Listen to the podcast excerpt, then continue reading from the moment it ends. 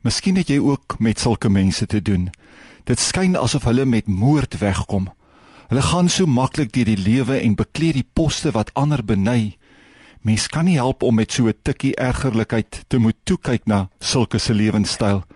Psalm 37 vers 1 bied vir ons goeie raad. Wees nie toornig op die kwaaddoeners nie.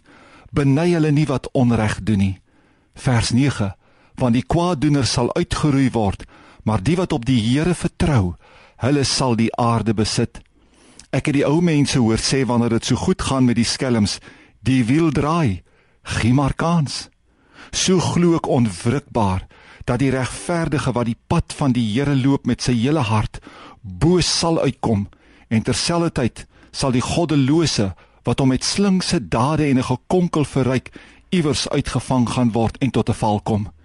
Ek wil jou herinner aan die mooi voorbeeld in die verband in die Bybel van die lewe van Josef en sy broers. Omdat die broers jaloers was op Josef, het hulle hom in die put gegooi en verkoop aan verbygaande koopmans wat hom weer op die ou end as slaaf verkoop het aan Potifar in Egipte. Die broers het hulle vader Jakob probeer om die bos lei deur Josef se kleed in 'n bok se bloed te steek wat hulle geslag het. So het hulle probeer voorgee dat Josef dood was en hulle van niks weet nie. Hierdie verhaal is nie verniet in die Bybel opgeteken nie, maar is daar om elkeen te inspireer dat God sorg vir sy kinders wat dikwels in hierdie lewe moet onreg ly maar steeds aan die Here vasklou. Eers beland Josef in die tronk in Egipte land omdat die vrou van Potifar hom vals beskuldig. Daar sit Josef vir 13 lange jare onskuldig, maar hy vertrou op die Here dag vir dag vir die uitkoms. Dis soos die woorde van die lied wat ons in die kerk sing. Ek weet die Here maak 'n weg vir my as ek altyd heilig leef, die sonde haat na goedheid streef, ek weet die Here maak 'n weg vir my.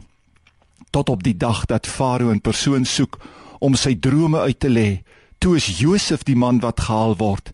Ewe skielik word Josef verhef vanuit die tronk tot onder die koning.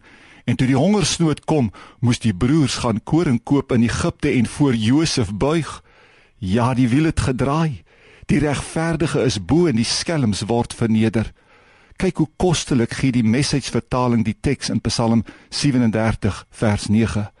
Before long the crooks will be bankrupt. God investors will soon own the store. Here ons wil ons nie verlustig in die wat onregverdige wins najag se ondergang nie. Ons bid eerder vir hulle bekering. Help ons as u kinders om ons oë in geloof op u te hou tot die einde toe. Amen.